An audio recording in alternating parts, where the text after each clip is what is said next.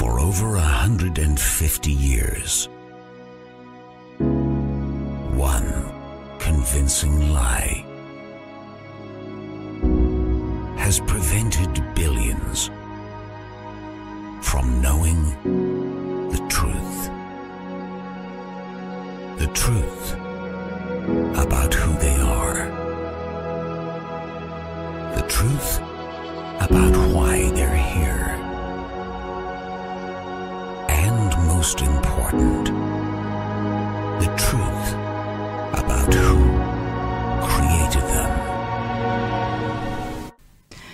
Witajcie. Oglądaliśmy właśnie zwiastun filmu Genezis Raj Utracony. Filmu, który mam nadzieję każdy, kto tylko będzie chciał, będzie mógł niedługo w Polsce zobaczyć.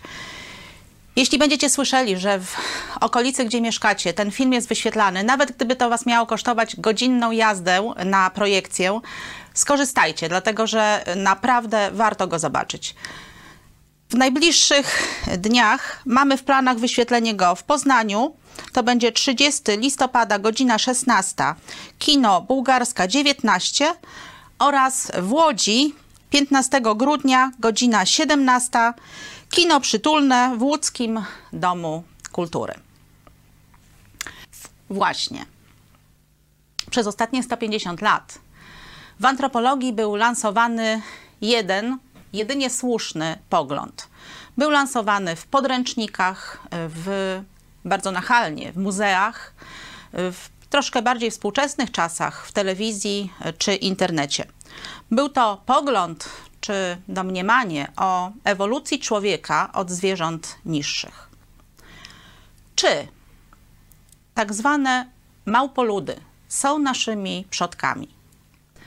Czy są jakieś rzetelne naukowe dowody, że małpoludy istniały? Jakimi dowodami na ewolucję człowieka dysponują ewolucjoniści? Tymi właśnie zagadnieniami będziemy się zajmować y, przez kolejnych parę wykładów. A dzisiaj mm, będzie on bardziej dotyczył książki o pochodzeniu człowieka Darwina. Y, I pierwsze pytanie, które chciałabym Wam zadać, chociaż za chwileczkę na nie odpowiem, jest takie: jak myślicie, jakimi dowodami naukowymi na ewolucję człowieka dysponował w XIX wieku Darwin, pisząc swoją książkę o pochodzeniu człowieka? I odpowiedź jest taka: żadnymi. W kwietniu 1973 roku jeden z naukowców z Uniwersytetu w Iowa wypowiedział się w The Spectator w ten sposób. Ogniwa pośrednie istniały tylko w wyobraźni XIX-wiecznych uczonych. Ludzie chcieli wierzyć w ewolucję człowieka. Czyli Darwin nie opierał się na żadnych naukowych dowodach. To była tylko jego hipoteza, którą przedstawił w swojej książce. Współcześnie, od czasu do czasu, zdarza nam się słyszeć sensacyjne informacje, że oto znaleziono jakieś szczątki, jakieś formy kopalne, które przypominają małpę. Ale rodzi się też pytanie, poproszę pierwszy slajd. Pytanie, które zawarł autor tego slajdu. Mianowicie, jeśli rzeczywiście teoria ewolucji człowieka jest prawdą, mamy miliony szkieletów małp miliony szkieletów ludzi, to gdzie są miliony szkieletów y, małpoludów?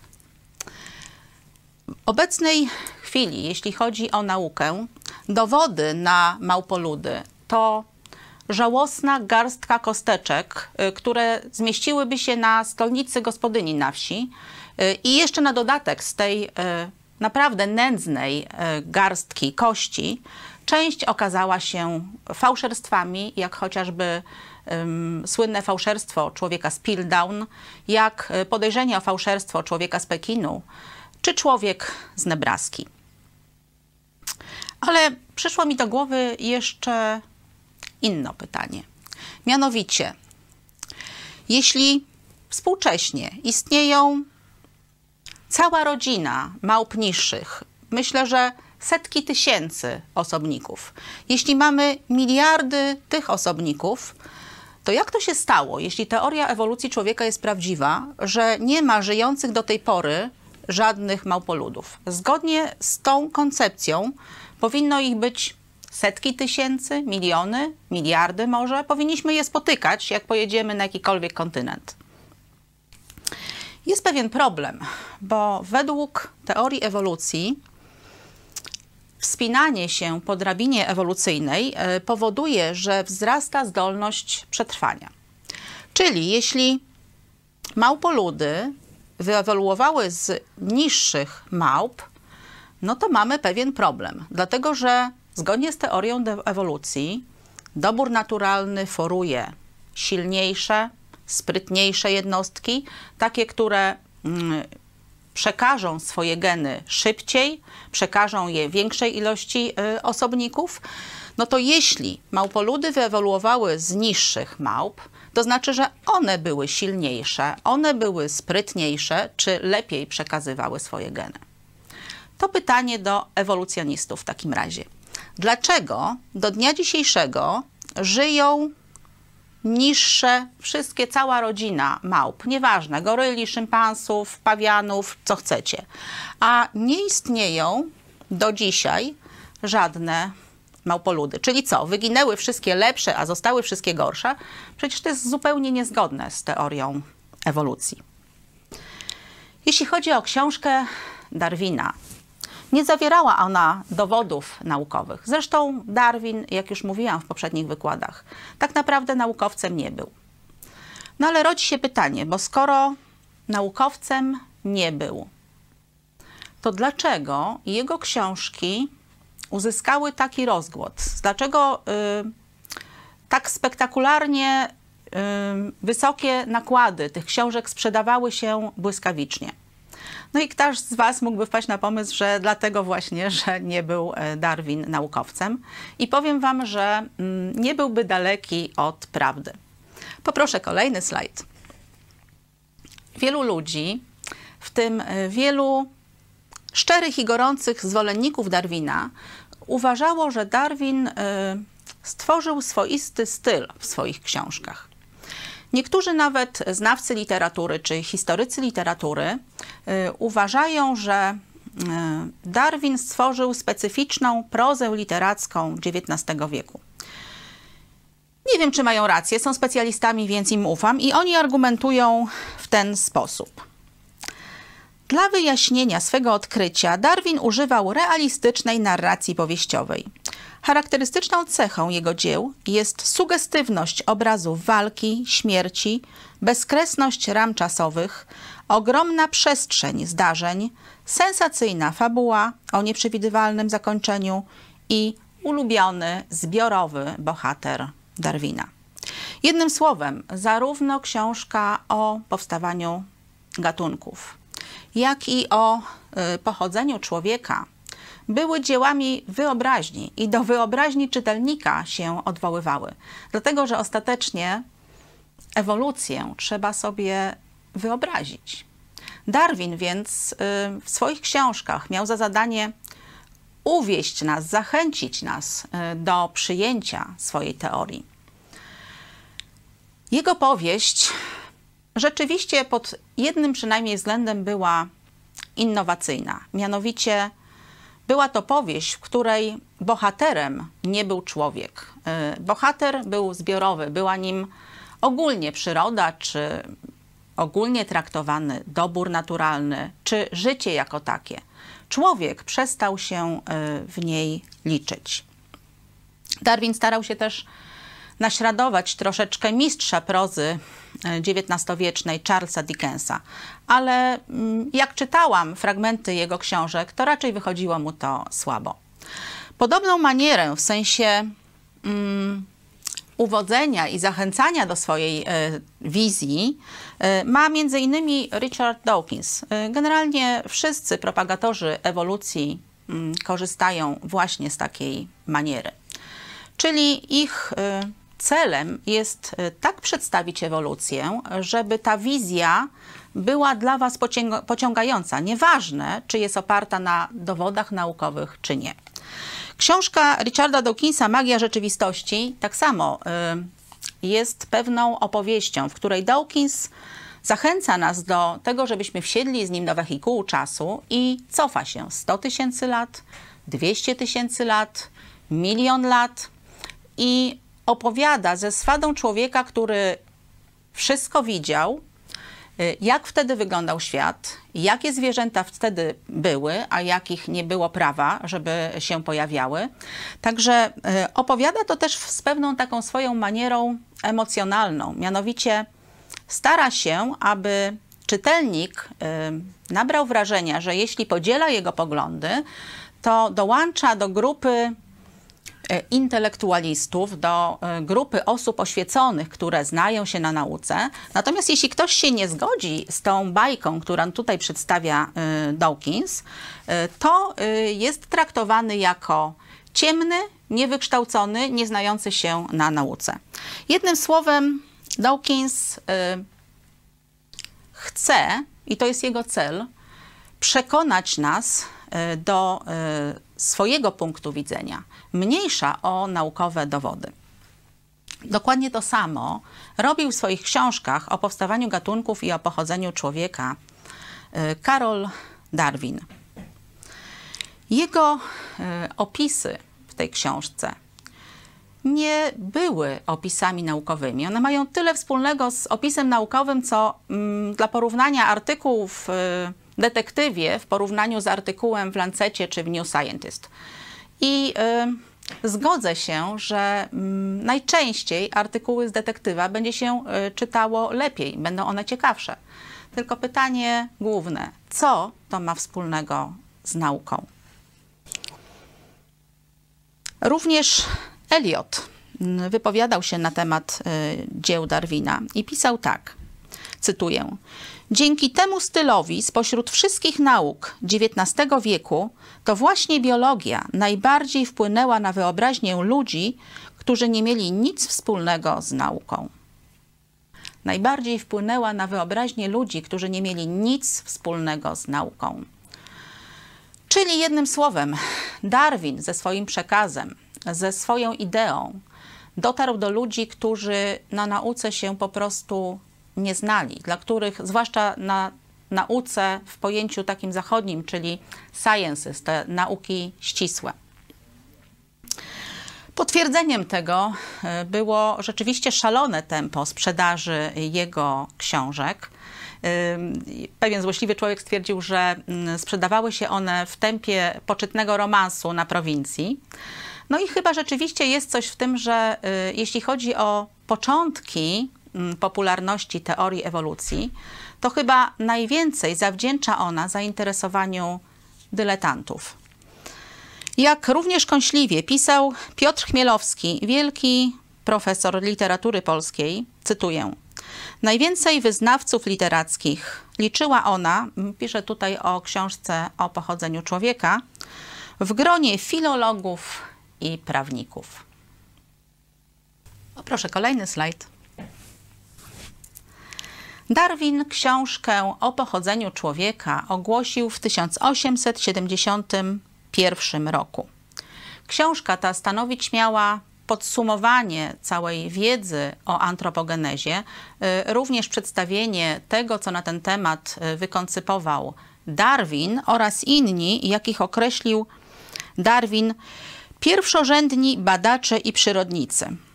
Jeśli byście sprawdzili nazwiska tych ludzi, to byli to naukowcy, których y, nie zapisali się oni jakoś spektakularnie w historii nauki.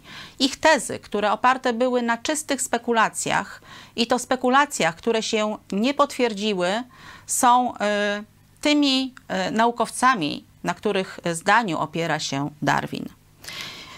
Jeden z nich, embriolog niemiecki Ernst Haeckel, był ponadto fałszerzem.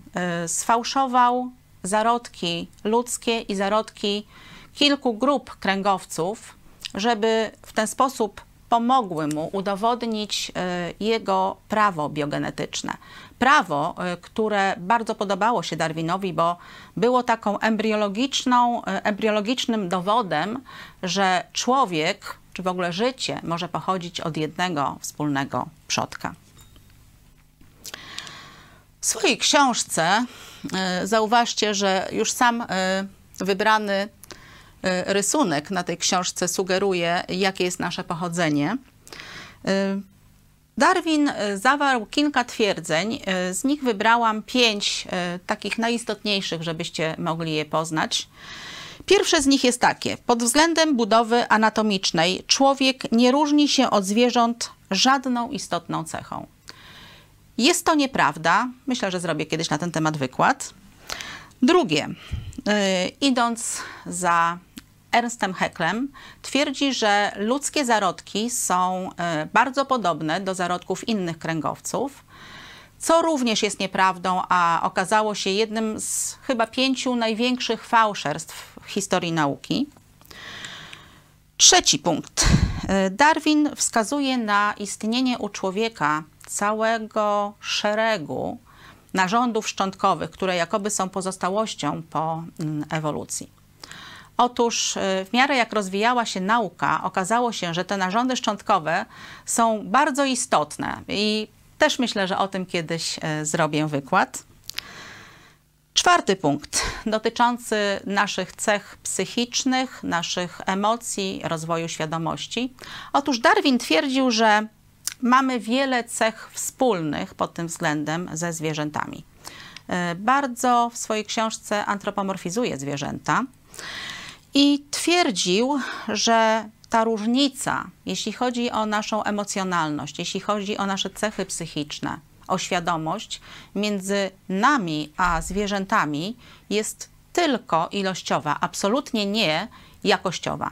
Co prowadziło go do dalszych wniosków, mianowicie dochodził do wniosku, że człowiek jest przejawem przyrody, jest tylko materią, jest taką samą emanacją tej przyrody jak żaba czy jak stonka ziemniaczana.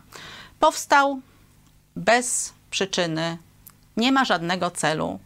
Powstał z prebiotycznej zupy i yy, nie ma wartości większej niż mucha czy jakiekolwiek inne stworzenie. Generalnie nie jest czymś więcej niż biologia. Nie ma też większych praw. Jeśli chodzi o prawa człowieka e, i prawa zwierząt, e, to propagatorzy ewolucji od jakiegoś czasu już bardzo podkreślają prawa zwierząt. Wręcz niektórzy postulują, żeby zrównać prawa człowieka i prawa zwierząt. Poproszę następny slajd. Znalazłam taki artykuł Krowa też człowiek.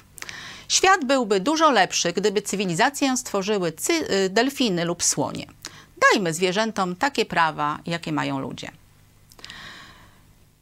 Artykuł taki, no spodziewałabym się, że ym, mógł być wynikiem rozmowy z jakimś nawiedzonym nastolatkiem, licealistą, który y, zainspirowany y, świeżo teoriami ewolucji czy y, ogólnie poglądami liberalnymi mówi takie głupoty. Ale tutaj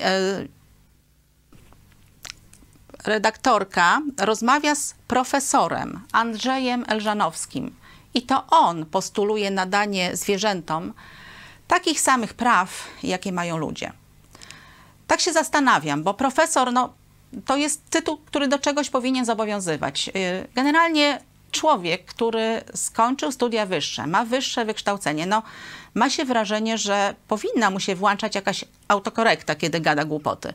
Ale zaczęłam się zastanawiać tak, żeby sobie pośmieszkować, jak to by było, y, gdyby według profesora Elżanowskiego y, rzeczywiście zrównać prawa zwierząt i ludzi. I tak sobie wyobrażałam na przykład kota na wsi. Jeśli poluje na myszy, czyli y, pracuje dla gospodarza, to czy nie powinien być zatrudniony? Generalnie może nie na umowę o pracę, bo nie wiem jak rozliczać kota z godzin spędzonych na polowaniu na myszy, no ale przynajmniej na umowę o dzieło to chyba byłoby ok. Albo na przykład pies pilnujący posesji. Tutaj już nawet bym się y, optowała za umową o pracę, bo to jest właściwie praca 24 godziny na dobę. Y, następnie pomyślałam sobie tak, jeśli by takie zwierzaczki były zatrudnione, to jeśli mogłyby mieć y, udowodnić zatrudnienie przez 6 miesięcy, to czy mogłyby na przykład pójść do banku, żeby zaciągnąć jakiś mały kredycik? I zastanawiam się na przykład, co mogliby zrobić bankierzy, gdyby kot albo pies nie płacili rat. to co wtedy? Do więzienia ich wsadzą? Nie wiem, kuwetę zlicytują? Czy budę zabiorą? No ale zostawmy głupoty. Teraz dojdziemy do piątego punktu, najważniejszego, który wynotowałam w tej książce mm, Darwina.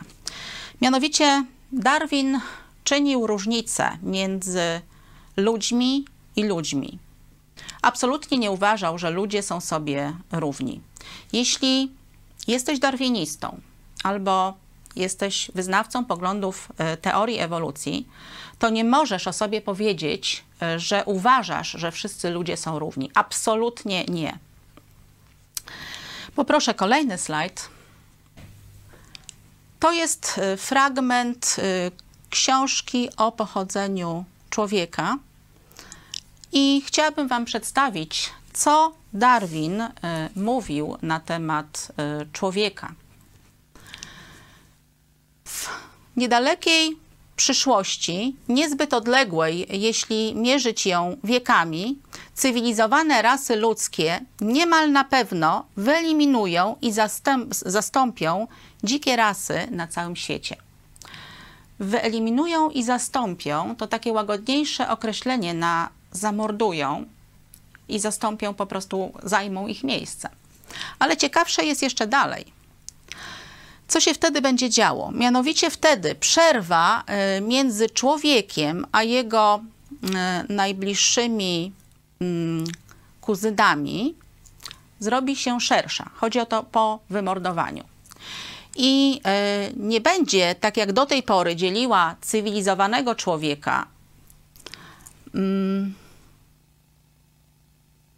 i nie będzie będzie wtedy dzieliła y, cywilizowanego człowieka i małpę tak y, prymitywną jak pawian, zamiast takiej, jak to jest teraz, czyli przed tym wymordowaniem, y, taką jak murzyn, aborygen czy goryl.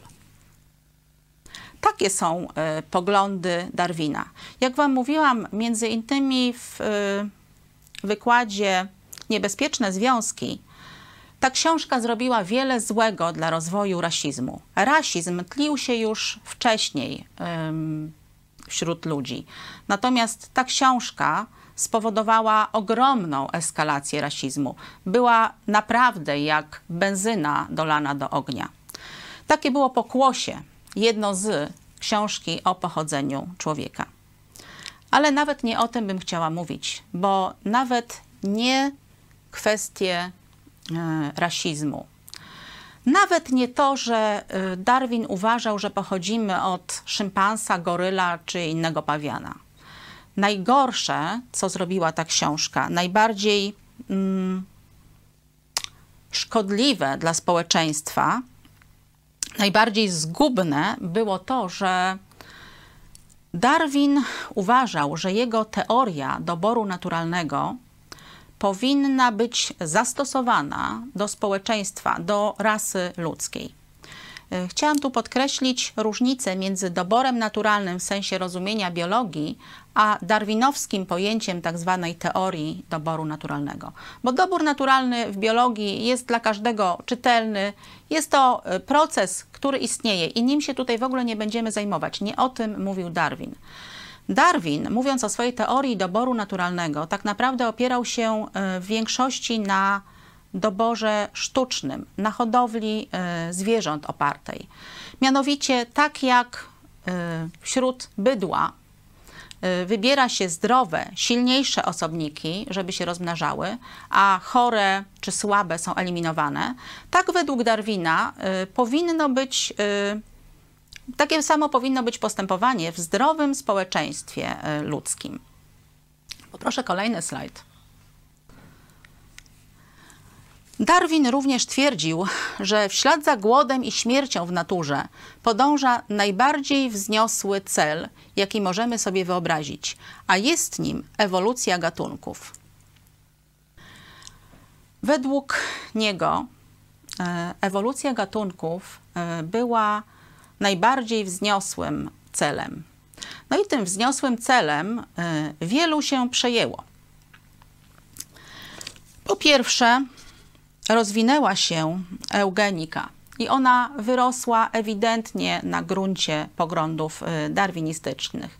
Stała się nauką stosowaną, czyli nauką, którą bezpośrednio zastosowano dla, do y, rasy ludzkiej.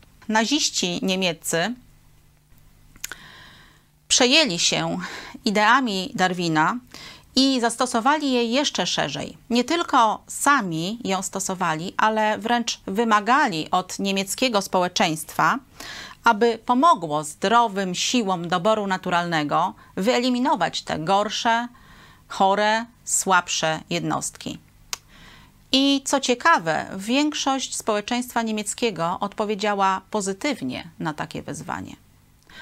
Ponieważ większość społeczeństwa niemieckiego y, była już wtedy zindoktrynowana, znała poglądy Darwina. Y, znała również y, wskutek wielu wykładów poglądy embriologa Ernsta Haeckel'a. Znała również poglądy eugenika Eugena Fischera. Poproszę kolejny slajd.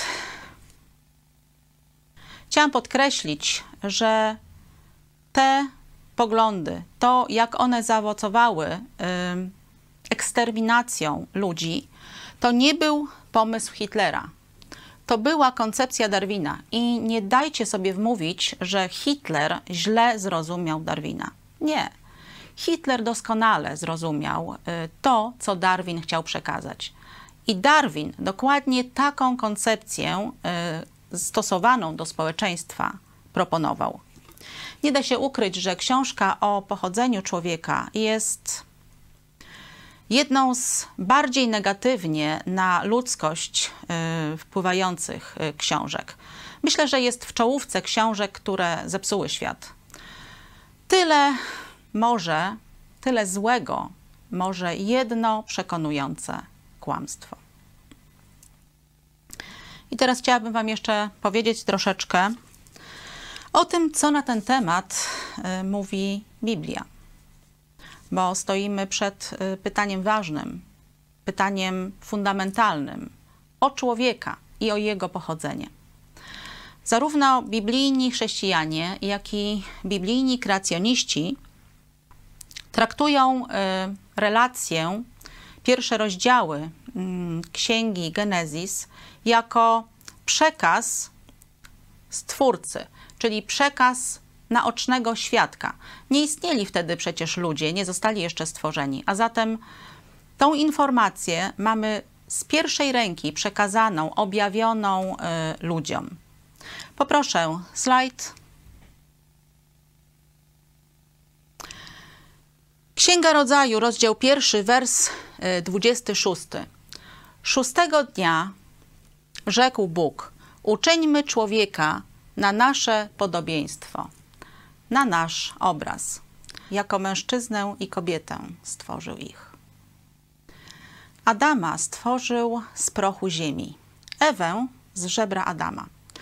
Tak przy okazji jedno zdanie do teistycznych ewolucjonistów. Mm, bardzo dokładnie przeczytałam e, te fragmenty Genesis. Nic tam nie ma o małpie. Małpa nie przypomina ani prochu ziemi, ani żebra. W związku z czym nie wiem skąd e, te koncepcje e, wzięły się wśród ludzi, którzy twierdzą, że opierają się na Biblii. Ponadto zwróćcie uwagę, że człowiek mężczyzna i kobieta zostali stworzeni na obraz i podobieństwo Boga. To jest coś niezwykłego e, w tych sześciu dniach stworzenia. Żadne inne stworzenie, żadne zwierzę nie zostało stworzone na obraz i podobieństwo Boga. I dopiero jak została stworzona Ewa i Adam, Bóg mówi do, świat, do świata i do nich e, jeszcze przed grzechem, który już niedługo się pojawi, że teraz ten świat jest dopiero bardzo dobry. A zatem kto ma rację? Czy mają rację kreacjoniści, czy ewolucjoniści? Czy zostałeś stworzony niepowtarzalnie na obraz Boga, czy po prostu wyewoluowałeś y, po miliardach y, mutacji przez miliony lat z kosmicznego śmiecia?